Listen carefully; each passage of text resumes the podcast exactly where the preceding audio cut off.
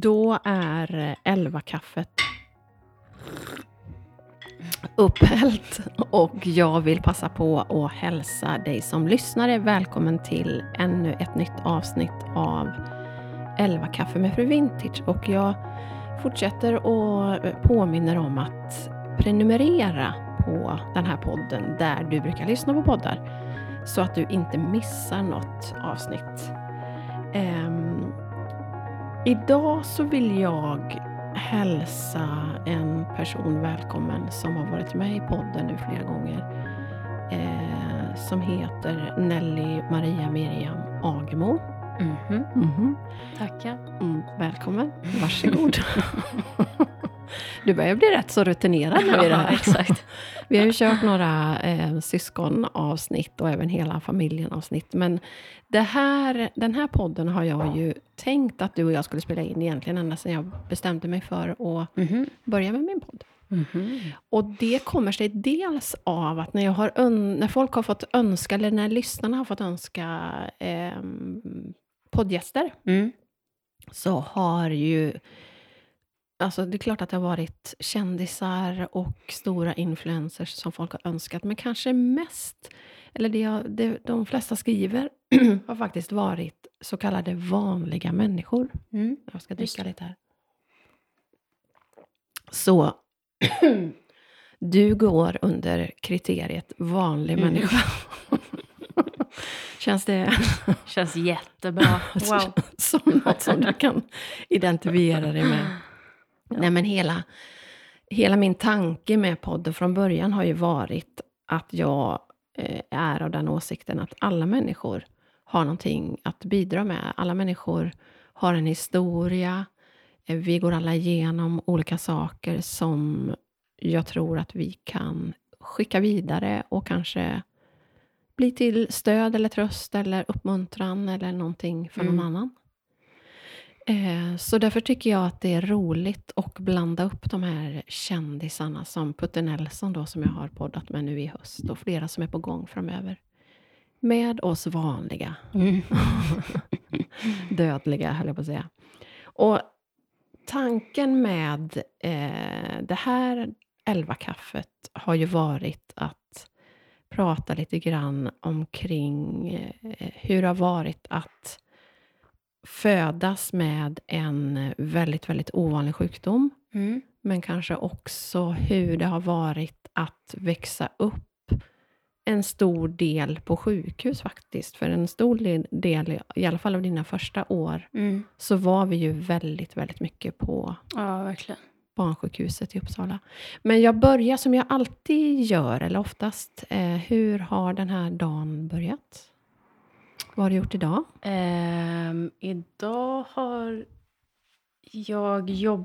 Vi, jag och pappa, som jag jobbar med på Agamo Bygg AB, Yes. åkte in till Stockholm och eh, besökte en arbetsplats. Och lämnade lite material och sådär. Och så var ni, gjorde ni någon kurs här på morgonen först? Ja, just det. Vi ska Det glömde jag helt bort. Vi ska börja med något nytt system Ja, exakt. Ehm, som ska underlätta på något sätt. ja, jag vet inte vad man kallar det ens. Men det är någon slags app i alla Ja, fall. man ska registrera tider och där killarna ska kunna gå material in och, Ja, och liksom registrera sina tider och vart För de är. underlätta på arbetsplatser och kontor och allt. Kul. Mm. Själv har jag faktiskt, det glömde jag berätta innan vi satte på mickarna här, jag hittade en ägggömma. Mhm. Mhm. Gigantisk, Nej, eller? Bara det har ju två. gått länge. Ja, det har gått länge. Eh, nej, två. Ett ljust och ett grönt. Men jag var glad för att det var ett grönt. Och de låg i en lövhög inne i syrenbärsån. Jaha, såklart. Så vi fortsätter sökandet. Vi har ju, som, det är säkert ingen som undgått att vi har hönor och vi lär höra dem här. De rör sig runt omkring. Och de har ju inte slutat värpa, men de gömmer ju äggen Mm. tydligen. Eh, Så jag hittade ju en stor ägggömma här för ett tag sedan med nio gröna ägg. Så vi får se. Det. Ja, det var en liten parentes. Ehm, ja, men eh, morgonen då? Har du några särskilda morgonrutiner? Det är också en sån här standardfråga som jag har. Mm. Det Har har du ju ändå. Ja, jag har, jo, jag har väl rutiner, men ibland tycker jag det är skönt att skippa dem bara Ja. också. har haft rutin nu eh, sen i augusti i alla fall att eh, gå upp och gå eller springa. Men den rutinen skippade jag idag. Så. Ja, men det är, ju, det är ju det vanligaste. När jag kommer, ut och släpp, kommer upp och släpper ut eh, hönorna på morgonen, då Mm. står du ju ofta på löpbandet. Ja, jag brukar göra det. Men idag satt jag och drack kaffe och lyssnade på musik. Så. Sen gick du dina tio steg till arbetsplatsen. Mhm. Skönt att ha nära till jobbet. Ja. Ehm, du tränar ju ganska mycket Mm. ändå. ja. Vad mer än löpträning? Ehm, ja, vad kallar man det? Tabata? Mm. Eller tabata? Tabata. Tabata. Tabata. Tabata. Typ cirkelträning kan man väl förkorta det med känns det som. Sen har vi ju kört en jag ganska hård eh, postsemester Mm. Diet här. oj, oj, oj, vad man äter på semestern. Ja, ja. Så det har varit lite mi- mindre socker och lite mindre pasta Mm. och bröd. Och, du Ja. har ju ett födoämne som du nästan lever på. Mm. Grönkål. Heja grönkål. Det ska man ha med varje mål. ja, men hur kom Du läste någonting om grönkål, va? Ja, eller jag, jag kollade på någon sån här, eh, en video där eh, en PT, eh, vad säger man på svenska? På engelska säger man att, att man debankar. Alltså att man, han läste upp en myt om träning Ja, och så sa han varför den inte stämmer. ja, Till exempel, eh, och om kost också, till exempel. ehm, ta, drick varannan vatten när du dricker alkohol för att inte, då liksom känner du inte av alkoholen. Det är ju en myt som Ja. han då gick igenom Ja. varför den inte stämmer. till exempel. ja. Och så pratar han om ja, alla möjliga grejer. Bland annat grönkål. Varför det är så bra. Och vad sa han om det då? Att det tar fram bra ämnen i eh, maten man äter mer. Mm. Alltså äter man ägg så tar det fram ännu mer protein än vad man får om man bara äter det själv. Mm. Och sen är det väl rätt så mycket C-vitamin i, va? Mm, det är, allt finns i grönkål. Ja. Så Mm. det rekommenderas. det är inte gott. Det, och, För jag äter det rått bara med vatten. Men det är Ja. så, bäst så. och du köper ju typ slut på lagret Mm. av, det är ju ofta slut, den här ekologiska grönkålen. Ja, vi slänger med det som ett litet tips. Ät grönkål och rör på dig. Det är väl bra. Eh, nej men du är ju eh, nummer tre i vår barnaskara, Mhm. Tripp Trapp Trull. Du är vår 24-åriga bebis. Japp. Japp. och jag minns ju när jag väntade dig, då, då var ju Ellen ehm, fyllde ju fem när du föddes och Noah var tre och ett halvt. Och under hela graviditeten när jag väntade dig så var jag ju väldigt orolig på ett sätt som jag inte hade Ja, varit just det. Mm. innan med de andra två. Mm. Eh, jag bara kände på mig att det var någonting som inte stämde. Mm. Och ibland kunde jag bort, liksom vifta bort det med att ja, men alla som har fått två friska barn tänker väl varför skulle vi få ett Mm, tredje? just så ibland kunde jag vifta bort det, men den där känslan gnagde i mig. Mm. Eh, men allt såg ju väldigt bra ut. Jag gick ju på specialistmödravård som jag gjorde med er alla tre för att jag hade sån liten mage och ni var Ja, ju just det. ganska små Mm. alla tre. Så det var inga konstigheter, det var jag liksom van vid att göra. Eh, och så då måndagen den 16 juni 1997, Mhm. 23 och 59. Ja, just det. Kommer du ihåg vad barnmorskan sa? Skynda nu så att hon inte föds den 17. Ja, precis. Krysta, krysta, krysta. Nu är det snart den 17, skynda dig. Och jag liksom gick på det, precis som att det skulle spela någon roll.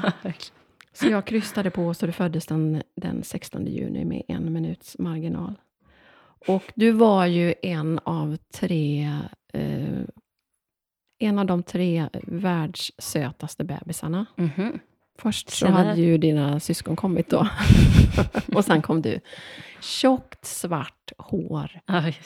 Eh, väldigt litet petit ansikte, långa... Jaha, jag trodde att jag hade ett stort runt ansikte. Nej, eller, nej, det hade du inte.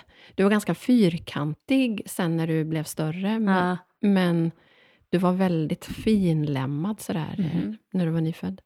långa smala fingrar. Och jag vet att jag hann tänka innan jag tittade vad det var för kön, eh, att okej, okay, nu har vi fått vår andra flicka. Mm.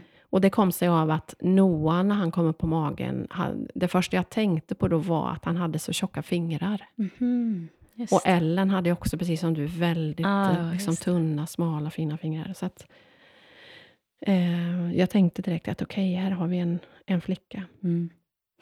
Och första dygnet då så var det ju frid och fröjd. Det gick ganska fort när vi kom in, eh, från det att vi hade kommit in tills du föddes, för att jag hade varit inne på en eh, rutinkontroll på förmiddagen. Och det. det här var ju någon vecka före du var beräknad. Så, Mm. Och jag vet att din mormor, min mamma, sa, men se till att de gör en gynundersökning så att det kommer igång, så att det Mhm. händer något. Rutinerad. Ja, hon är rutinerad fembarnsmamma. Så jag sa det till barnmorskan att du kan väl kolla. Eh, för jag hade haft lite förverkar och så, men inte något. Så det gjorde hon och jag var inte öppen någonting. Men på vägen hem så satte ju verkarbetet Mm. verkligen igång. Så att vi åkte hem eh, från Uppsala till Märsta, packade väskan och åkte tillbaka i princip. Mm. Och sen tror jag att det tog fyra dryg, eller knappt fyra timmar från det att vi kom in tills du var ute. Är det Eh, länge eller? nej, det är vanligt? det inte. Nej. Vi kan jämföra det med moster Millan eh, som har fött din kusin Matteo. Hon är på i 38 timmar. Skämtar nej. Oj. Ja, så det kan ju ta jättelång Shit. tid. Ja, då var det inte länge. Nej, det var inte länge. Det var, det var den bästa förlossningen utav alla er tre. Mhm. Nellies blev ju, eller Ellens blev ju ett akutsnitt. Just det. Eh, och Noahs var lite jobbig för att verkarbetet försvann. Men din förlossning var väldigt, det var så här klassiskt bara perfekt förlossning. Det tog Mhm. lagom lång tid, vi hängde med. Eh, ja, jag minns att jag, även om det såklart inte är en skön upplevelse, så var det ändå... Ja, jag minns att jag, att jag tänkte det efteråt, att det var en, en bra förlossning. Mhm. Pappa somnade som ett... Eh, på en brits där och jag gick och duschade. Och, eh, det som var så roligt var att barnmorskorna som förlöste dig, det var två stycken kvinnor i, i medelåldern, de hade fyra respektive fem pojkar själva. Mm. Just Så de blev ju Ja. helt betuttade i dig. Så att, jag vet hon sa, duschar du länge? Vi sitter här med henne och bara myser. Så det var ju ett, ett mysigt och jättehärligt första dygn. Mm. Eh, och då var ju vi lyckligt ovetande vad som skulle Mm. komma.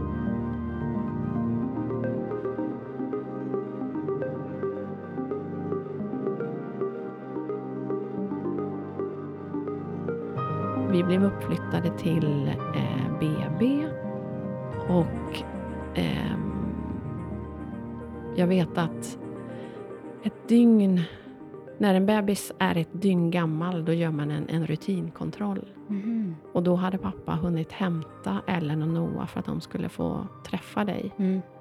Så när läkaren kom in för att göra den här första kontrollen så var Ellen och Noah där. Så därför gjorde inte han någon stor grej Aha. av, men vi märkte ändå på honom att det var någonting som inte stämde. Mhm.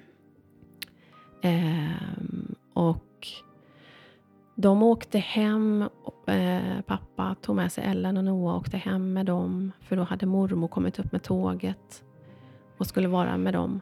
Och ehm, sen blev det lämmeltåg och Maria Haldin då, som ju har varit Mm. din läkare Ja. från dess fram tills du var 20 år. Ja, precis. ja, precis. Det skulle ha varit tills jag var 18, Ja, men så var, fick jag vara kvar sen Ja. i två år. Det extra. ska vi berätta sen om varför Mm. det blev så. Men, eh, hon var den första som sa att ehm, jag vill bara tala om för dig att just nu så vet inte vi om du har fått en pojke eller en flicka. Mm.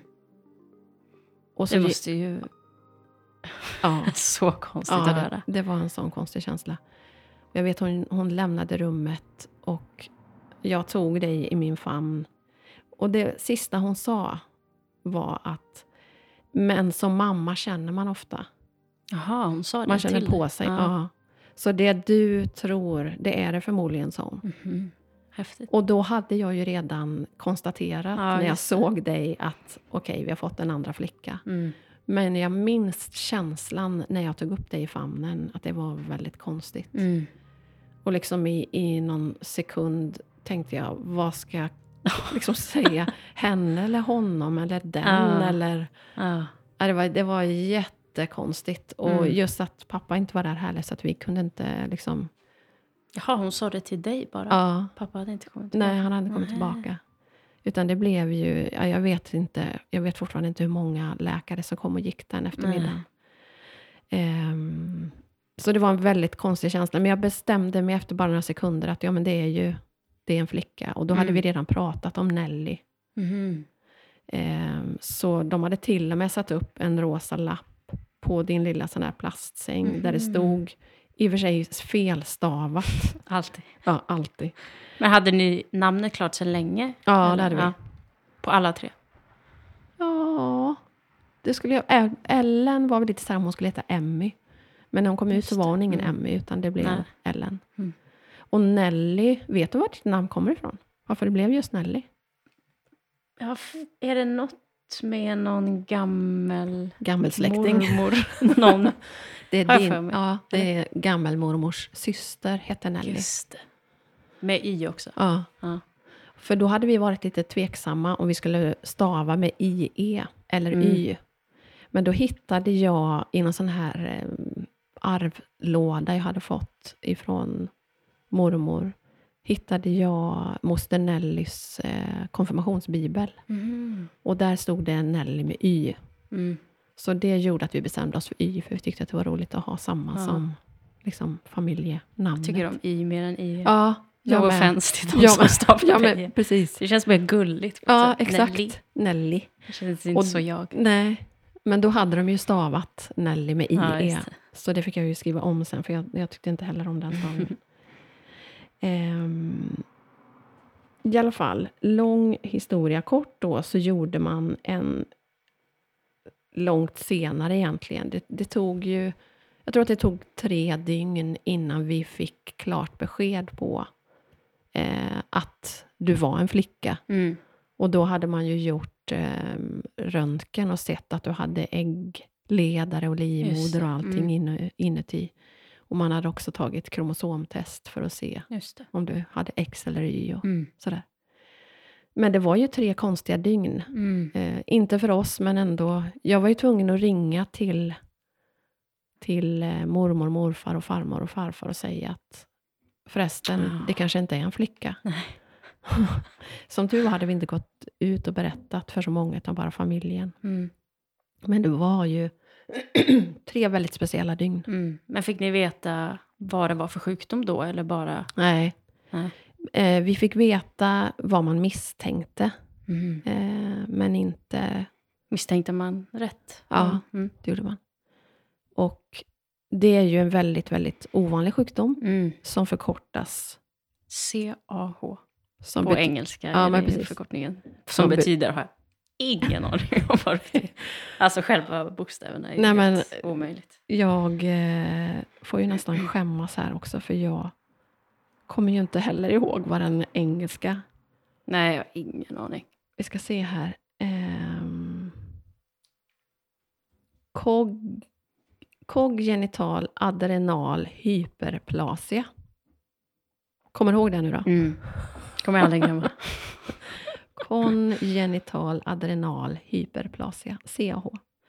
Eh, kunde jag läsa här nu på sällsynta diagnoser. Och det är som sagt en väldigt, väldigt ovanlig sjukdom och vi fick ju veta att för att ett barn ska födas med den här sjukdomen så måste båda föräldrarna vara Mm. bärande, bärare av de här sjuka generna. Mm, det. Så det räcker inte att en förälder bär på det här, utan båda måste. Mm. Och det är en av de sjukdomar som man, upplever, eller som man upptäcker på BKU-testet som man tar i foten på alla Mm. bebisar när de är nyfödda. Mm. Så hade man inte misstänkt det innan så hade man sett det på det testet. Jaha. Men då fick vi ju i alla fall gör, träffa en genetiker senare för att se, eh, för det visade sig att du var född med den svåraste formen, Mm. vilket innebär, vet du det eller? Det här är också någonting som vi ska prata om. För jag tycker att det är så roligt att du är så oinsatt. ja, verkligen. Ja, det är jag verkligen.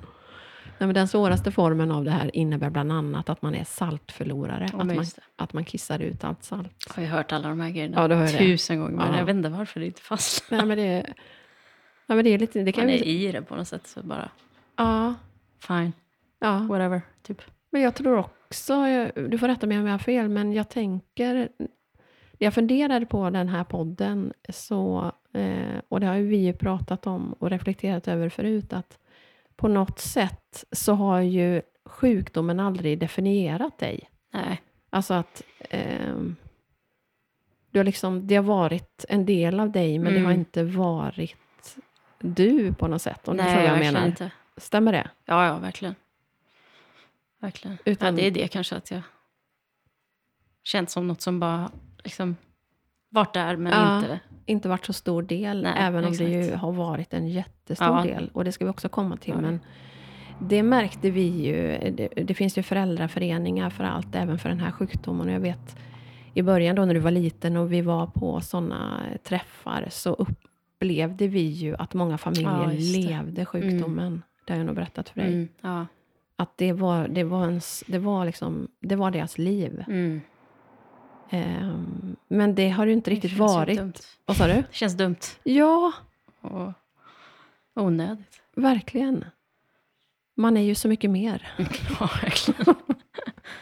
verkligen. Men då i alla fall så senare då, eh, då hade vi redan fått diagnosen och sådär. Men då visade det ju sig att du, bar, du hade inte bara den svåraste formen, utan du har ju också en väldigt, väldigt ovanlig form Mm. av den här ovanliga sjukdomen.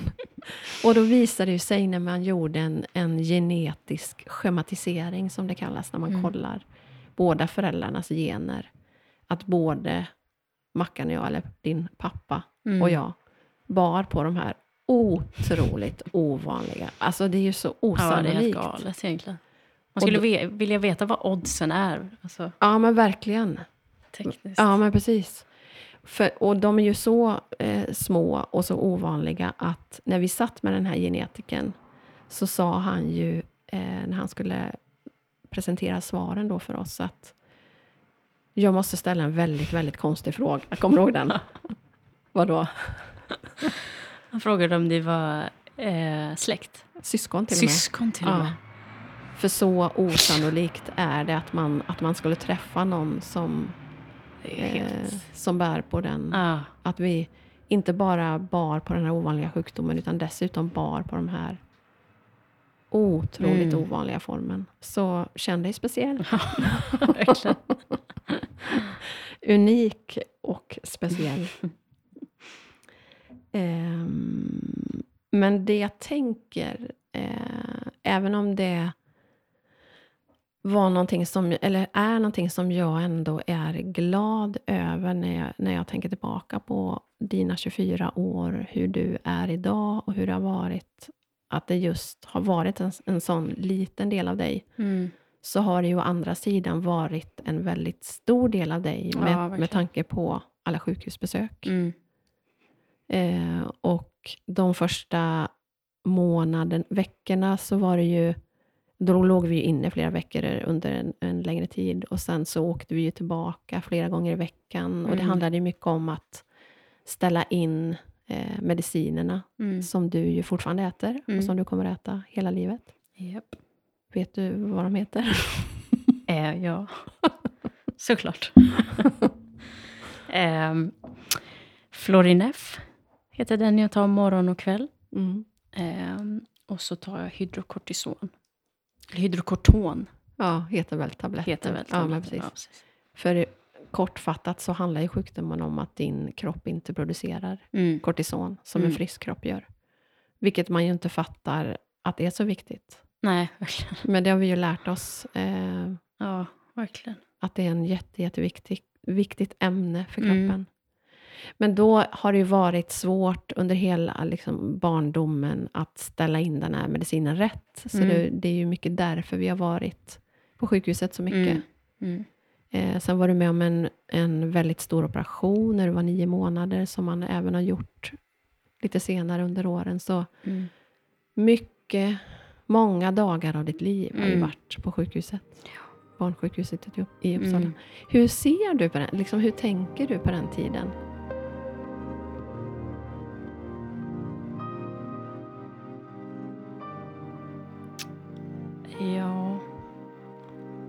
Stor fråga känns det som. Mm. Men det är ju verkligen, det är ju verkligen så att när folk frågar eh, om barndomen och sådär. Eller när vi har pratat om det i podden. Eller, Ja. Så tänker jag direkt på det. Sjukhuset. Eller på sjukdomen. Eller på...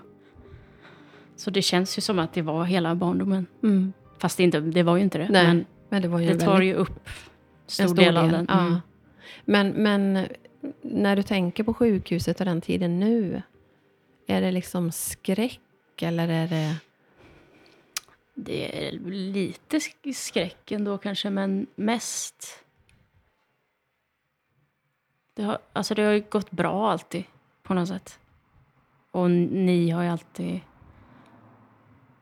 försökt göra det till något kul nästan, när Ja, man åkte in. verkligen. Liksom. Ja, upplevde du det så? Då har vi lyckats i så fall. Verkligen. Och köpte... Eller vi började med att alltid att äta lunchen de första åren. Tills vi en dag bara... Sjukhusmaten ja, menar du? precis. Ja. Sjukhusmaten. När vi sov över. Tills vi en dag bara, nej. Då hade vi fått någon... Det var jag kommer ihåg det, precis vad det var. Det var kycklingfilé som aldrig hade kryddats någonsin. Och en grå sås. Ja, den kommer jag också aldrig kommer glömma. Det såg helt... Och ihåg. då kommer jag verkligen ihåg att vi bara, ska vi inte bara gå ner till kafeterian? Ja. Första gången var. Minns du då vad vi köpte? Var det den här thai-nudeln? Ja, det var det. Och den åt ju Den du åt varje ja. gång sen i flera års tid. Jag undrar hur Den var gammal du jättegod. var då? För jag har ju funderat på varför kom vi inte på det Nej, tidigare? verkligen. Att Jag var ju inte så gammal heller. Nej. Jag kommer inte kanske... Nej, jag vet inte. Nej, för jag minns ju sen att... kanske? Ja, Eller? Var det så mycket? Vad hemskt. Åt vi den hemska maten i så många år? Vi får väl lägga till att vi köpte ju annat också. Ja, precis. Fika. Eh, Ja, men... ehm, Men just den stunden kommer jag verkligen... ja, det var stort. med. Det var, det, var, det var en positiv vändning i allt elände. Ja, verkligen. Och sen kommer ju personalen alltid ihåg det. Ja, Mm. just det, ni vill inte ha någon Ja. mat. Så sen beställde de aldrig mer. Så nej, det kom, det, så är det verkligen. Det märktes att ni försökte göra det till något annat än det tråkiga som det var. Typ. Ja, vi, vi bestämde oss tidigt att göra det till någon, en, några speciella dagar Mm. eh, där du skulle få känna att det var något positivt. Men eh, trots allt så var det ju väldigt smärtsamma undersökningar som Ja, vi gick igenom. Och, eh, en del i det var ju att man vid varje tillfälle som vi låg inne skulle man göra urinsamling Mm. och samla allt urin under ett dygn för att se Mm. eh, värdena med mediciner och, och olika Mm. nivåer på saker. Ehm, och då, innan du var så stor så att man kunde sätta dig på pottan och liksom spara Mm, urinet så. Vi hade ju en dunk i ett kylskåp där som vi, med Mm. ditt personnummer på, så gick man och fyllde på den där. Och ända fram tills under din blöjperiod då, så var det ju som en påse som man klistrade fast runt Mm. liksom urin, Mm. ja, där kisset kommer ut helt Ja, enkelt. det. Och det var ingen fara att sätta dit den, men varenda gång man skulle ta bort den Mm. så... Nej. Så jag Ja, minns... det har jag minnen av. Har du det? Ja. Just det, alltså att, eh, hur det känns att ta bort den. Minns du vad du sa när du såg sjukhuset Nej. under den perioden? När vi kom åkande i, sjuk- i bilen, du och jag, eh, så, och du fick syn på sjukhusbyggnaden, Mm. så började du gn- smågnälla. Ont pumpan mamma, ont pumpan. Visste du, ja fy vad, vad mycket jag har gråtit över det. Ja. För då visste du vad som var på gång. Mm. Och det är ju någonting som jag tror att man som, man, som jag eller vi delar med alla föräldrar med barn som växer upp på sjukhus Mm. eller som går igenom cancerbehandlingar eller vad det nu kan vara. Mm. Just den här känslan när ni är så små att man kan inte förklara, Mm. utan man måste liksom hålla fast Mm. vid provtagningar och Mm. alla smärtsamma undersökningar som ska göras. Nej, hemskt. Aldrig ha barn. Check. Check! Du kan lägga till en sak till på din lista, aldrig ha barn. Men är det verkligen så Nelly? Nej. Nej, Någon gång. det är ju mest fantastiskt. Ja. Men eh, något som var positivt som du älskade var ju lekterapin. Mm. ja, det var kul. Vad gjorde du där? Jag kommer specif- eller liksom, vad säger man? Jag kommer verkligen ihåg en... Det var någon slags... Det var som en... Som en sandlåda, fast det var vatten... Ja, just Alltså det. det var liksom tvärtom, det var båt... eh, ja, men precis. Det, kommer var någon slags vattenlek. Ja, ja, just det. det kommer jag ihåg jättetydligt. Och eh, toaletten Just det. Berätta. som var liksom miniatyr. Eh, Det var ju en vuxen toalett Ja, och precis, en, en mini. Mm. bredvid. Ja, det var det väldigt... tyckte jag var kul. Ja, det var roligt. och sen lekte vi ju ofta... Det fanns ju ett, ett ehm, undersökningsrum där som de hade gjort i ordning. just det. Mm. Vem var det vi undersökte då? Kommer du ihåg det? Gunnel, Mm. eller? Ja. Berätta om Gun, som ju fortfarande Gun, finns kvar ja. i våra liv. Ja, Finns hon Ja, någonstans? finns ju en låda. Kommer du inte Ja, ihåg att vi tog fram henne för ett jo, sedan? nu när du säger det kommer jag Mm. ihåg det. Hon det finns i er min- minneslåda. Ja. Min bästa polare. En eh, gosedjursapa Ja, som heter Gunnel. ja, som du fick när du, var, när du hade gått igenom den här stora operationen. Mm. Så du var ju inte ens ett år när du fick henne. Ja, just det. Nej, det stämmer inte förresten. Du, det måste ha varit senare. För du, du var ju så... Eh, när du hade fått henne så skulle du bestämma vad hon skulle heta. Just. Så du kan inte ha varit så liten. Det måste ha varit vid något annat tillfälle. Ehm, och det som var så roligt då när du skulle döpa Gunnel. Jag gav ju en massa förslag på vanliga apnamn Mm. som jag tyckte. typ Chico och vad nu apor heter. Nej, nej, det är inte bra. Kommer du ihåg hur du till slut bestämde vad hon skulle heta? Eller han? Han, ja, exakt. Det var det För det var var ju viktigt. också så viktigt. Mm, det var en han. Jag kommer ihåg att det var liksom... Nej, ingen nej, hon. Det var en kallar hon inte hon, för Nej. det är en han. Det är en han som heter Men jag har för mig att, att vi låg på sjukhuset och så var det på tvn, va? Ja, Typ liksom Nyhetsmorgon eller någon sån. exakt. Där det var en gammal, gammal tant, gissar jag, Det Gunnel. var, det var någon slags reportage på nyheterna. Ja, just det. ehm, där det var en, jag tror att det var en politiker, det var ingen kändis, men, men någon poli, liksom kommunpolitiker eller någonting. Eh, som hette Gunnel. Och då bara utbrast du. Gunnel ska han heta, han ska heta Gunnel. Åh, vad jag önskar jag kommer ihåg varför jag tyckte om det. Det har jag inget minne av varför jag valde det. Nej. alls. Och det var ju så roligt, eh, för det, personalen lärde ju känna Gunnel, för Gunnel Ja, var ju alltid med. Ja, Kommer du ihåg det, att Gunnel också fick medicin? ja, ja och, verkligen. Och de satte en sån här infart, Ja. för du fick ju en infart i armen vid varje tillfälle. Och då fick Gunnel också det. Så Gunnel var en väldigt stor hjälp. Ja, verkligen. Hur, länge, hur många år hade jag Honom med dig. honom? Ja.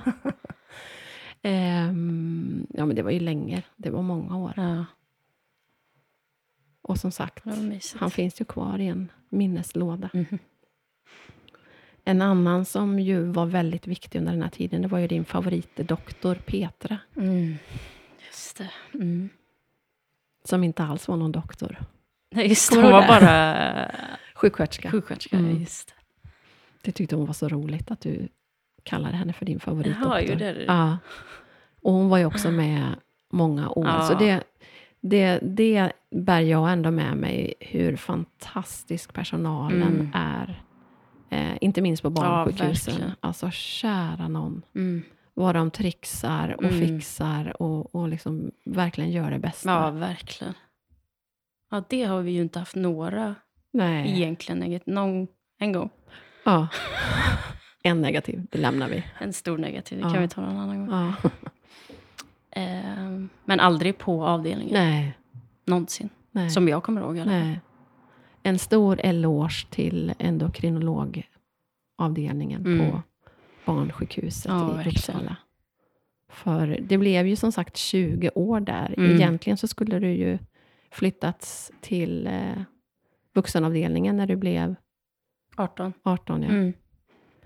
Men eh, för ungefär, det måste väl vara fem år sedan nu. Eller var du 18 kanske när det här hände? Som gjorde att du eh, inte flyttades över. Måste du påminna mig? Men du, det har du väl inte glömt? Men säg vad det ja, nu får jag hjärnsläpp, så nu kommer jag inte... Nej, men Jag du, du kunde ju inte äta på... Ja, ja, du menar det. ja det var ju det som- Just det. just det.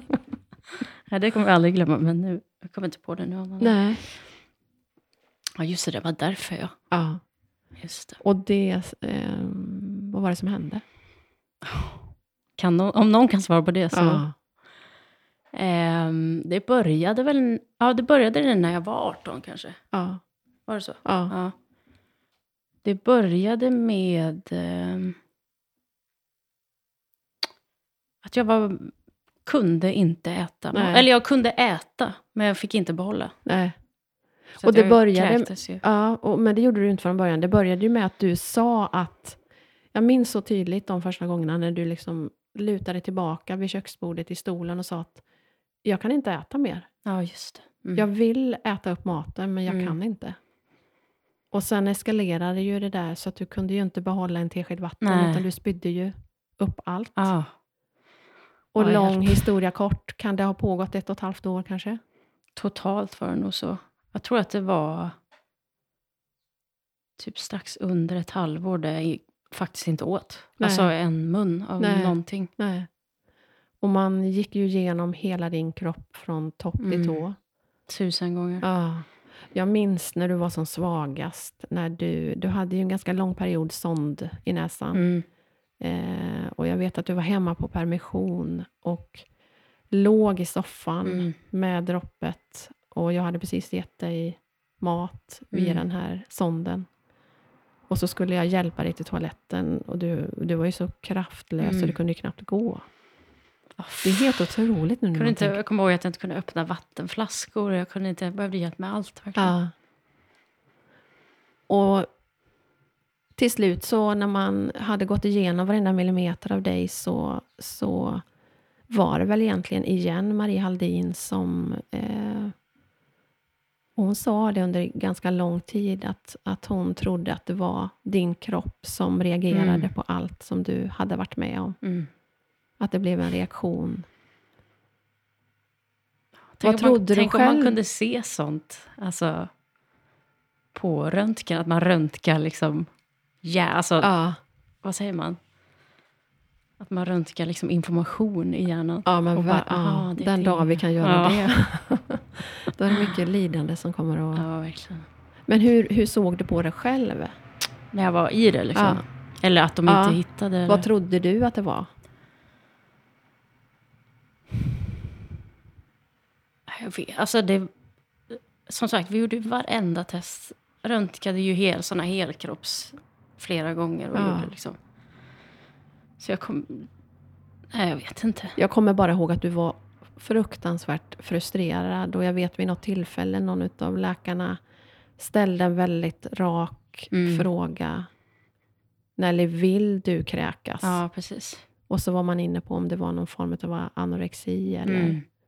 Ja, för det sa liksom, pappa försiktigt någon gång bara, men kan du inte bara inte liksom, få upp det? Ja. Bara, liksom, bara ät. Förmodligen av frustration han Ja, också. vi Liksom. var ju så frustrerade. mm. Och vi, vi trodde ju aldrig att det, hade någon, att, att det var någon ätstörning eller Nej, någon anorexi. För vi såg ju hur du grät och hur Mm. du ville äta. Och jag vet att du Fy, sa det till den läkaren att nej, jag vill Mm. äta. Jag, Mm. jag är så hungrig, jag längtar efter mat. Och vi Mm. försökte med allt. Minns Ja, jag du? kommer ihåg, jag tror att det var i början innan jag blev liksom helt, när jag knappt kunde gå. Och jag hängde med Jael vi var i stan och träffade någon liksom, ute på Din stan. bästa kompis. Ja, precis. Och hur folk sa så här, åh, jag är så sjuk, jag håller på att svälta ihjäl, jag har inte käkat på typ tre timmar.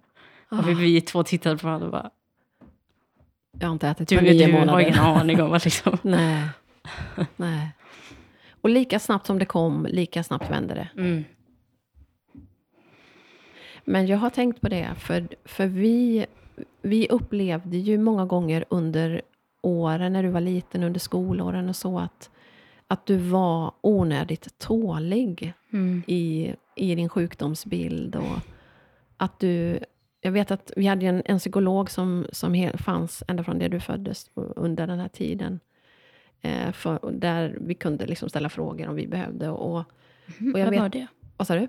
Var det någon som jag också hade eller var det ni? Nej, vi. Mm. Då när du var liten. Mm. Eh, och när, under tiden du växte upp. Just för att få stöd i hur man skulle... Jag vet jag frågade henne någon gång, eller pratade med henne om det, att, att du frågade så lite. Mhm. Du, liksom, du undrade så Ointresserad från start. du redan då. Och då vet jag att hon sa att, ehm, att det måste vara på, på ditt eh, initiativ. Så svara bara på, på frågor som hon ställer. Mm. Och du ställde aldrig några frågor. Utan du var så... Jobbig. Ja, men du fann dig liksom i, i situationen på ett, Mm. på ett nästan otäckt eh, bra. Liksom. Eh, och det var väl det som, som man kanske trodde till slut då att, att kroppen ändå sa ifrån Mm. Mm. Till slut. Efter allt du har gått igenom. Mm. Skulle frågat mer och gråtit mer kanske. ja, kanske. De tiderna. Och på alla, det har, vi- det har vi väl också pratat om, men, men under hela din skoltid så var det ju aldrig någon som visste om din Nej. sjukdom. Just det. I alla fall eh, liksom, förutom nära, Ja, nära vänner. Men, eller nära vänner till er. ja men precis. Familjer som vi umgicks med. Mm. Mm. Kan, du, kan du förstå och se nu varför, varför du inte berättade? Eller varför? Jag tror att jag hade gjort eh, likadant idag. Om jag liksom hade fått det nu från... Jag vet inte, folk behöver inte veta allt Nej. på något sätt. Nej. Det var inget jag bara... Mm, hur ska jag göra? Ska jag? Det var bara, nej. Det blev inte så bara. Nej. Nej.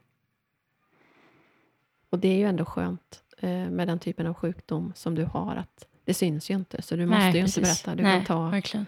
du kan ta din Det är medicin. nog många som önskar att, att de inte behövde Mm, liksom, mm, alltså, där det svara på frågor. mer. Ja, Ja. men precis. ja, det var mycket det, svar på frågor. Har jag inte haft något intresse av. Nej. Nej, det har du ju inte överhuvudtaget. nej, precis. Men om vi ska börja runda av så smått. Eh, så om du skulle... Eh, det är svårt att ge något råd kanske, för det är ju väldigt olika situationer. Men om jag tänker att, att det är föräldrar som lyssnar nu, som kanske går igenom Mm. tuffa sjukdomsperioder med, med sjukhusbesök och så. Finns det någonting sådär som du... Om det hade varit ditt barn, hur hade Mm. du gjort? Ja, flera grejer. Eller två i alla fall. Um, skulle gjort som ni. Att försöka göra det till något kul.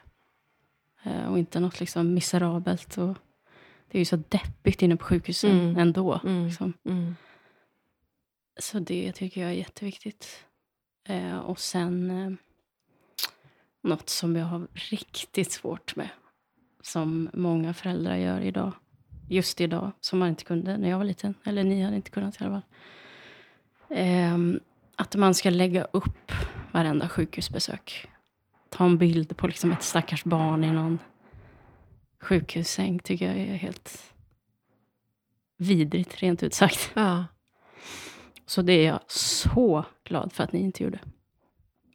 Det finns ju bara privata bilder som vi har. Liksom. I vårt fotalbum. Från när jag var sjuk. Ja, men precis. Så det är skönt. Höll på att säga att det inte fanns då, men ni hade nog inte. Aldrig någonsin att jag hade gjort det. Nej. Och det kan jag verkligen säga. För jag vet, även om vi tog bilder eh, medvetet för att du skulle ha någonting att titta på när du Mm. växte upp och man skulle kunna prata om det. Så vet jag att det fanns eh, tillfällen när jag inte kunde förmå mig att ta en bild för att det var för utsatt Eller, Mm. Och jag har funderat kring det, för jag, har samma, jag ser det på samma sätt som du. Mm. att Varför? Ja, det är ju, ja, alltså, det är ju själviskt, tycker jag. Man ska vara ärlig med. Hur då, tänker du? Att man vill ha uppmärksamhet som förälder. För det finns inget positivt för barnet alls, tycker jag. Eller så är det. Jag säger det som ett fakta. Ja. Ehm, och alltså, ja. När man ser föräldrar göra det så skriver de ju alltid Åh, liksom, be eller tänk på vår lilla bla bla bla som går igenom det här just nu. behövs inte en bild. Och det behövs egentligen inget inlägg. Skriv det till dina nära vänner. Och hur tänker du kring, eh, för det finns ju ganska stora konton där man kanske har barn som går igenom tuff- tuffa cancerbehandlingar Mm. och, och man kanske gör det för den goda saken. Man har Mm. insamlingar till Barncancerfonden. Och, hur tänker du att man skulle ha gjort istället? Ja, hjälp. Jag tror att själva alltså, personliga historier räcker. Men Jag hur tycker skulle aldrig man behöver en bild på ett Nej, utsatt barn. nej, liksom. nej. tycker typ det skulle vara olagligt nästan. Alltså Ja, men jag håller med dig. att fota på sjukhus och liksom. Ja, men man skulle i alla fall kunna...